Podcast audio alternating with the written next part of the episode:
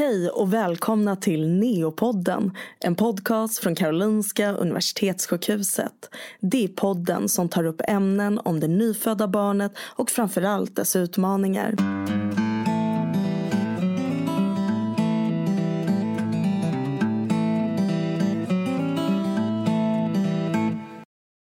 Hej och välkomna till samtalet här, Neonatalpodden.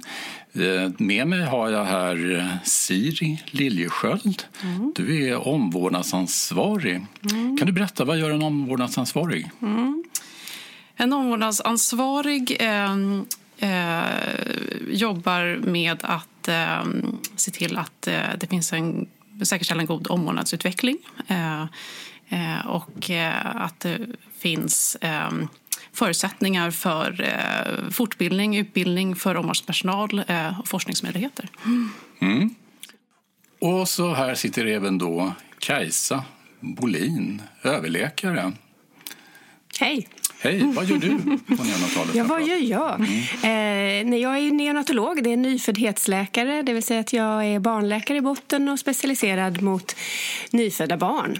Eh, eh och det är ett eh, fantastiskt jobb. Det innebär att när jag är i klinisk tjänst eh, så ägnar jag mina dagar åt att ta hand om barn. Allt ifrån de som föds väldigt mycket för tidigt och kräver full intensivvård till de som är fullgångna men också behöver stöd och hjälp.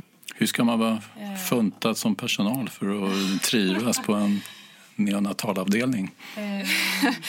Jag tror man ska gilla eh, action. Mm. Man ska gilla eh, eh, eh, på ett sätt snabba ryck och så vidare. Så det är en akutverksamhet. Men man ska också... Eh, eh, det hjälper om man är flexibel och ödmjuk eh, skulle jag vilja säga. Verkligen. för att det är en väldigt... just för att kunna ge den individanpassade vården utifrån de individuella behoven. Mm. Eh, det är ett otroligt roligt jobb eh, och det är eh, väldigt teambaserat. Det var nog en av de sakerna som jag fastnade mm. alla gör som blir fast är att man är väldigt beroende av varandra. Mm. Man har väldigt nära samarbete. Sjuksköterska, läkare, undersköterska, hela vårdteamet och med andra aktörer som, som ingår i det teamet och då inte minst föräldrarna. Mm. Så att man får verkligen använda hela Eh, som sjuksköterska får man använda hela sin omvårdnadskompetens, känner jag. Eh, hela spektrat. Eh, hur länge har du jobbat med det här, Kajsa? Jag har eh, ända egentligen sen sista året på läkarutbildningen eh, när jag bestämde mig för att jag ville bli barnläkare varit fascinerad av och inriktad mot eh, nyfödda barn. Varför då? Många skäl, tror jag. Eller egentligen så, så var det så att jag gjorde en, en placering i USA mitt sista, sista år på läkarutbildningen. Och Det var första gången som jag kom, kom i kontakt med, med nyföddhetsvården. Som då såg helt annorlunda ut, apropå det vi pratar om. Det var, det var eh, neonatalavdelningar som var stora, öppna rum med väldigt många, många gånger öppna kuvöser. Nu är kuvöserna stängda. Eh, det var starkt ljus, det var många rutiner som gjordes eh, just rutinmässigt. På bestämda tider skulle man ta prover och röntga barn. Mm. och så. Mm. Man följde inte alls barnets rytm, det individuella barnets eh, signaler. Mm. Och ändå i retrospekt så var det någonting som drog mig till detta som tyckte att det var väldigt, väldigt spännande. Det är ju en del av medicinen där, där man faktiskt i väldigt, väldigt stor utsträckning har möjlighet att göra sina patienter helt friska med ett långt liv mm. framför sig. Och det, det är oslagbart. Men vad, vad var dina reaktioner redan då, tänker jag? Eh, alltså när du, eller reflektioner, känner du att de kom efteråt mer, när du blev mer eh, Ja, det tror jag faktiskt att de har gjort i rätt så stor utsträckning. Att jag reflekterade kanske inte på det sätt som jag gör nu i mm. retrospekt när jag tänker mm. tillbaka på hur det faktiskt såg ut på den avdelningen mm. då. Eh, I den stunden över, över det faktum att barnen låg uppradade och att eh, det gjordes olika procedurer eh, eh med dem schemalagt. Och det var ju mm. sällsynt att ha föräldrar plats. Det måste ha varit en helt annan syn på tidigt födda barn då än, än idag? Ja, till viss del var det det. Och det var väl det vi började säga också. Att det, det, det, handlar om just att se barnets förmåga även om det är litet och sjukt. Eh, och det tror jag att vi har, eller det vet jag mm. att vi har, har eh, lärt oss och utvecklats i eh, väldigt, väldigt mycket mm. över tid under de här, som det nu faktiskt om man ska vara eh, helt ärlig, eh, 20 åren som jag har mm. hållit på med detta, med detta på olika sätt. Både i forskningssammanhang, eh, genom eh, specialistläkarutbildningar på flera nivåer och, och så, så i, i klinisk tjänst. Mm. Vad skulle du säga är den absolut största skillnaden från då när du började till idag? Vi ser eh, det individuella barnet på ett helt annat sätt idag. Så mm. uppfattar jag. Mm. Eh, vi jobbar utifrån, eh, eh, utifrån att försöka styra vår vård runt vad barnet behöver. Eh, och mm. barnet behöver också sin plats i sammanhanget och det betyder att barnet behöver sina föräldrar mm. eh, kring sig 24 timmar om dygnet det är alla nyfödda barns rätt mm. Mm. Eh, att ha det så. Mm. Och den tanken är, eh, den, eh, den fanns inte alls på samma sätt då. Mm. Så att om man bara jämför så här, utifrån att titta på hur det såg ut på en neonatalavdelning så, så kan det rent fysiskt se väldigt annorlunda ut. Men, men en stor faktor mm. är föräldrarnas närvaro i mm. vården på avdelningen. Det är en jätteskillnad. Varför har, har det tagit så lång tid för, för vården att förstå detta? Mm. Det är också eh, svårt att säga. Jag vet inte om det är bara i vården. faktiskt. Jag tror att det är väldigt mycket av ett mindset. Eh, därför att eh, Eh, det, det har varit länge ganska otänkbart om man har sitt barn hemma och barnet blir sjukt och behöver läggas in på sjukhus. Att man skulle bara lämna barnet på sjukhuset och åka hem som förälder. Men för nyfödda barn som man aldrig har fått ta hem så har det funnits fortfarande någon form av accept för det. Eh, både från mm. vårdens sida men också från föräldrarna själva. För det har inte riktigt, riktigt kanske blivit deras barn. Mm. Man har inte fått ta hem sitt barn. Utan det kanske läggs direkt in från förlossningen på neonatalavdelningen. Så den, den mindseten eh, har tror jag, hindrat den här utvecklingen. Och gör till viss del mm. fortfarande, skulle jag vilja säga. Eh, därför att det är ju en av de sakerna som vi jobbar jättemycket ja. med. Att, att föräldrarna från, en, från allra första början känner att, att det är deras barn. Mm. En mm. förälder uttryckte för eh, ett par år sedan i ett annat sammanhang det väldigt väl som hade flyttat från en annan neonatalavdelning till, till en av Karolinskas neonatalavdelningar mm. där vi verkligen liksom praktiserade eh, eh, det här arbetssättet att försöka känna, att få föräldrarna att känna att de är en del av teamet runt barnet. Och då så, då så sa den mamman så här Ja, där på det andra stället där var han ju deras patient. Men här, här är han vårt barn. Mm. Och Det illustrerar mycket den där, den, det som vi försöker åstadkomma. Att mm. Föräldrarna mm. ska vara en del mm. av, av teamet runt mm. barnet. De ska vara delaktiga i alla alla beslut. Eh, all, eh, all, det finns ingen information som inte de ska ha. Och att de ska också känna att de besitter viktig eh, en viktig input, ja. en viktig, eh, de bidrar eh, i en, till exempel en rondsituation med att de kan säga så här, ja, men jag uppfattar att han är lite tröttare idag eller jag har noterat att det är lite svullet här eller där. Därför att de är närmast sitt barn, de känner sitt barn och de ser saker som inte vi ser. Mm.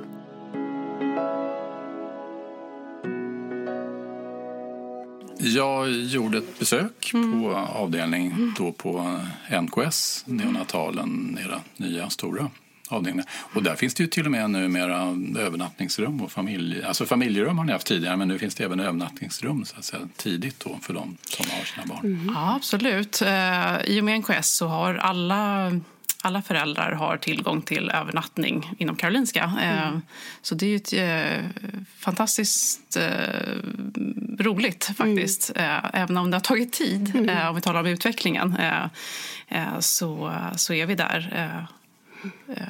Och där finns ju en del forskning att luta sig mot. Det mm. finns en, en, en, en studie som är relativt nyligen är publicerad. Man tittar på 11 olika neonatalavdelningar och mäter föräldranärvaro på avdelningen och också, och avdelningarna och också mäter tid som föräldrarna håller sitt barn eller sitter hud mot hud med sitt barn. Och där ligger Karolinska i topp i Europa. Sex Eh, och europeiska länder mycket, som där. mycket har ju det med hur man hur avdelningen är byggd och strukturerad. På vilket sätt är det bra för barnen? Då? Detta med, med, med att man får ha väldigt mycket kontakt och kroppskontakt. Det finns det ju också jättemycket forskning som visar på att just eh, hud mot hud, tidig hud mot hudkontakt och mycket hud mot hudkontakt eh, stabiliserar barn, eh, ny, ny, framförallt för tidigfödda barn men, men alla nyfödda barn är mer instabila i, sina, i sin självreglering. Både när det gäller temperatur, när det gäller puls, när det gäller andning. Och, eh, i, princip alla såna där självreglerande funktioner blir mer stabila om eh, barnet får vårdas eh, hud mot hud.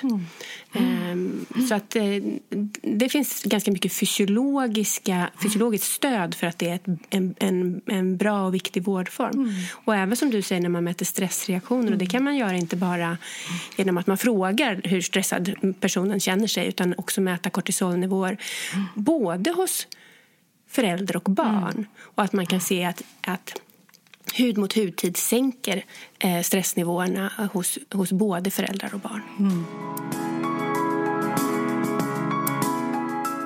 Det finns ju förstås en extremt stor oro hos en förälder som föder ett för tidigt fött barn, eller föräldrar som föder. Hur uttrycker sig den oron, tycker ni mest? Och vad är det man är orolig för? Ja, allt. Om man själv har varit förälder vet man att man är orolig. Eh, eh, nästan. Och i, i, I sak av att bli förälder så, så, så föds ju en oro. Men, men eh, det som kanske framförallt är tärande i en oro är ju en ovisshet. Eh, tänker jag.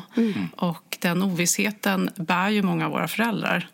Och den står vi också i som personal. Eh, Eh, den där ovissheten kring eh, hur ser framtiden ut. Eh, eh, och det, där har man inte alltid svar eh, heller. Utan... Eh, eh, Det är lite dag för dag, kan man säga.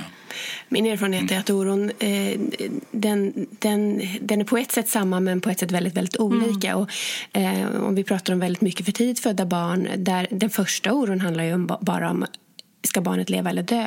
Ska, jag, ska jag överhuvudtaget våga ta till mig den här lilla krabaten som ligger där i sin kuvös och ser alldeles hjälplös ut och har massa sladdar och slangar eh, till höger och vänster? Och det måste man ju bara på något sätt förstå att det är ju det är, det är, en, det är en enorm påfrestning för många människor som aldrig har varit Alltså föräldrar som har aldrig och det har de allra flesta har ju inte varit i den miljön. Utan eh, mycket av vår, vår första eh, uppgift när ett mycket för tidigt fött barn läggs in är ju att berätta vad är saker och ting eh, och hur funkar det och vad betyder det?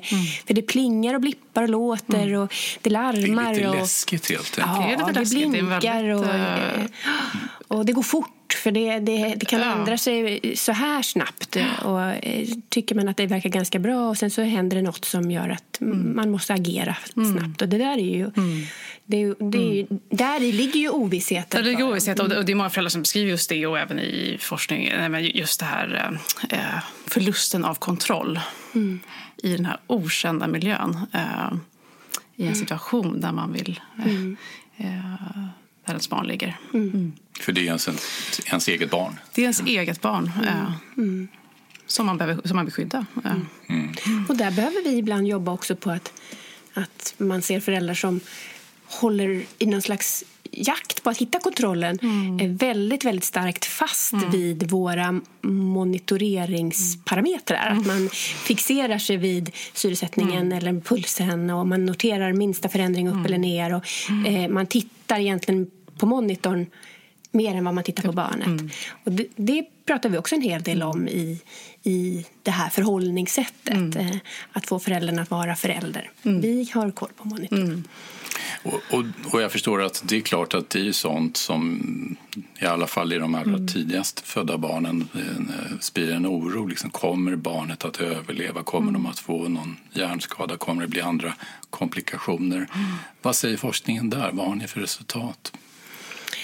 Um, alltså, då kommer vi tillbaka ja. till lite grann det här med, med överlevnad och, och eh, utfall. Mm. Eh, numera så är det ju så att när det gäller överlevnad så överlever ju väldigt stor andel av de även extremt för tidigt födda barn. När det gäller utfallet på längre sikt så, så lär vi oss väldigt mycket fortfarande, särskilt när det gäller de allra minsta barnen. Och det står ju klart att de har en, en del svårigheter. Ehm, men, men spannet är ganska stort och den, den andelen av barnen som, som faktiskt får riktigt svåra skador, den är relativt låg. Sen, sen behöver vi lära oss mer om hur deras tänk utvecklas.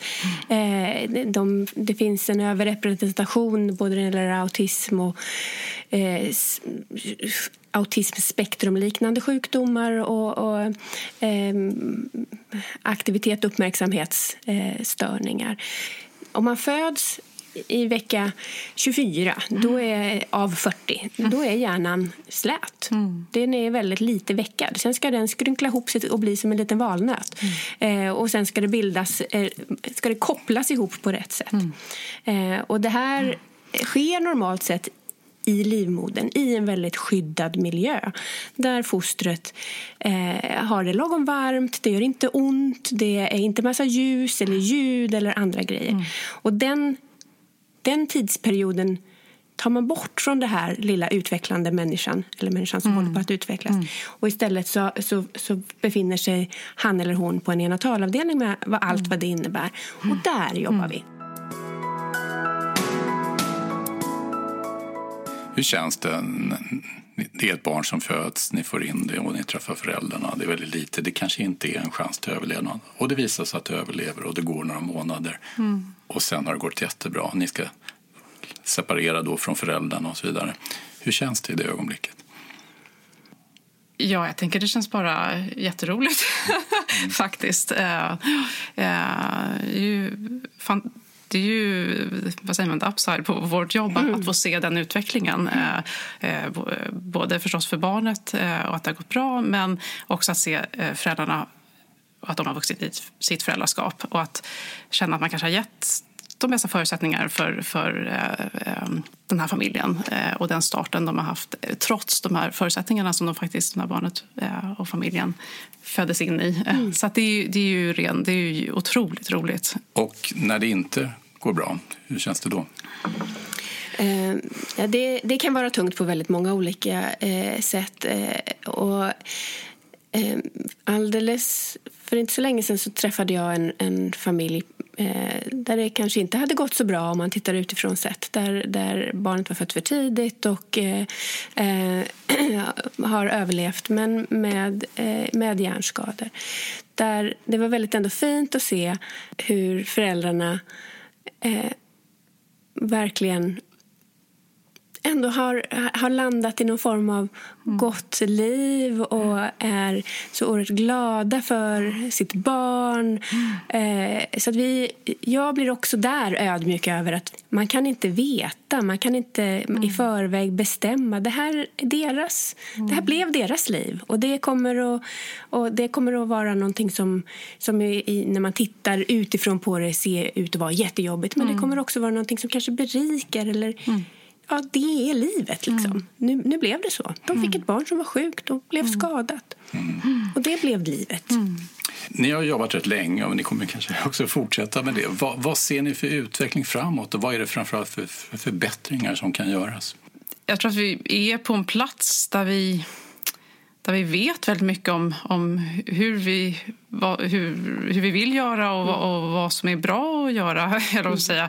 Eh, sen tror jag att vi måste fortsätta på den inslagna vägen. Eh, eh, att det finns arbete kvar. Eh, man kan liksom inte luta sig tillbaka bara utan, utan eh, att det är en pågående process. Så att, eh, sen tror jag, och det var vi inne på förut, jag tror att vi kommer förstå kanske ännu mer eh, eh, vad föräldrarna behöver för att kunna vara så, eh, så här närvarande i, eh, eh, i vården. Vad de behöver, hur vi kan stödja dem på bästa sätt och, och kanske också framförallt efter utskrivning och uppföljningen därefter tror jag kommer utvecklas. Mm. Och på den medicinska sidan, vad ser du där? Nu tänkte jag lite i samma banor som Siri tänkte på just när det, när det gäller eh, att jag tror att vi går emot att, vi, att det kommer att bli självklart. Mm. Det kommer att bli självklart att föräldrarna eh, har möjlighet att vara eh, hos sina barn dygnet mm. runt och de kommer också vara en del av teamet. Det går i linje med all, många andra saker mm. som vi gör inom, inom sjukvården nu med eh, journaler på nätet, transparens etc. etc. Det, det gäller även i natalvården. Föräldrarna är mm. barnets förespråkare och de kommer att vara del delaktiga i barnets vård fullt ut. Och vi är på mm. god väg, men vi har en mm. bit kvar. Mm.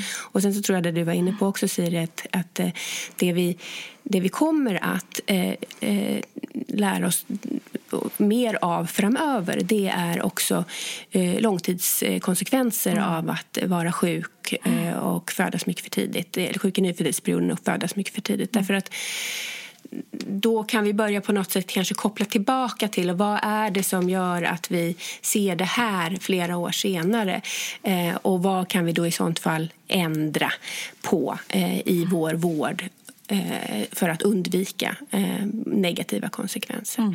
Och det, det tredje som du touchade vid också mm. det är just det här med rent praktiskt med mm. uppföljningen. För det säger ju våra föräldraförbund till exempel då för prematurfödda barn att, att det är någonting som man kan som de slås av att här lägger vi många, många pengar på avancerad mm. Eh, eh, intensivvård i, i den omedelbara nyföddhetsperioden men sen känner man sig som familj ibland lite lite lämnad, lite hängande i luften. För att de här eh, föräldrarna och, och, och, barnen behöver ofta eh, andra saker än mm. vad man behöver om man har fått ett friskt, fullgånget barn. Mm.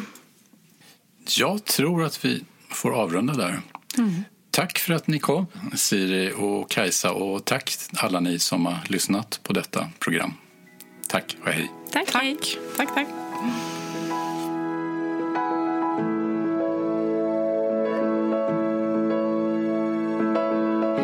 Programmet producerades av Intellecta för Karolinska Universitetssjukhuset. Reporter David Grossman. Klippning Susanna Sköld.